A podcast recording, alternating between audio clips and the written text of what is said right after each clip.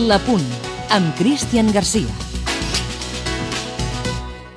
Ahir vaig anar convidat a casa d'un amic. A mitja tarda el seu fill, el Marc, em va deixar la Play per jugar un partit a la Pro Evolution. Al meu equip vaig fer jugar Casillas, Piqué, Xavi, Silva, Torres i Villa, entre d'altres. Vaig escollir l'opció de partit únic contra Turquia, vaig guanyar sense massa problemes, més o menys com ho va fer la selecció que ara entrena del Bosque, que abans dirigia Luis Aragonès.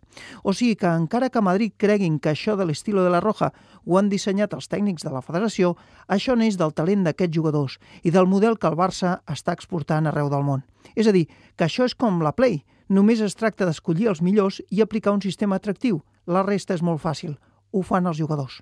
Bé, però després del partidet virtual amb el Marc, el Marc em va deixar la Play per córrer una cursa de Fórmula 1 i clar, tal com estan les coses al Mundial que acaba de començar, li vaig demanar que em posés al volant d'un sorprenent cotxe de l'esquadria Brown. Lògicament vaig guanyar, amb molta facilitat, a més a més, perquè el meu motor era el més potent de tots. O sigui que aquí es va demostrar que en aquest invent de la Fórmula 1 no és tan important ser el millor pilot, sinó tenir una màquina amb difusor misteriós. Conclusió final. Si vols guanyar un partit de futbol, juga amb els millors, refia't del seu talent i no facis massa invents. Segur que triomfaràs com a entrenador.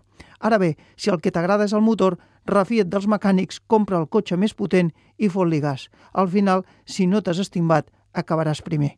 Per això el futbol no és comparable a la Fórmula 1, perquè una cosa és el talent i l'altra la potència.